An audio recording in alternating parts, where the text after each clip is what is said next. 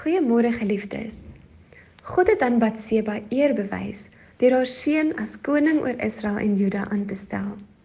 Hy het ook haar nageslag in eer herstel deur haar deel te maak van Jesus se geslagsregister. Op die oog af sou ons sien dat Batseba verskeie traumas beleef het.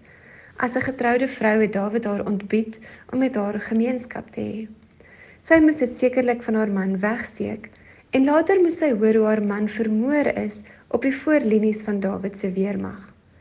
Daarna het Dawid haar as vrou geneem en weer moes sy tot sy diens staan, ten spyte van die seer of verwyte wat sy dalk beleef het. Sy moes saam met Dawid ook die straf dra van haar seun wat gesterf het op grond van die ontrou wat gepleeg is. Ons sien hoe Dawid sy sonde berou en dit ook aan haar erken. Daar word nie veel oor Batseba se gevoelens of ervarings gedeel nie. Maar ons sien hoe beide Dawid en God haar in eer herstel.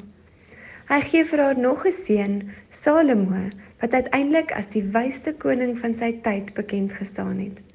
Salomo gee ook vir haar 'n troon langs syne en so word Batseba in eer herstel. Haar legacy word deur Salomo behou en uiteindelik word die seun van God uit haar kleinkinders gebore.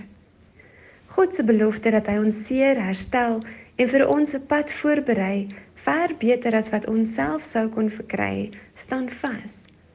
So baklei God ook vir ons elkeen en wanneer ons ons aan God oorgee, kan sy meesterplanne vir ons tot vervulling kom.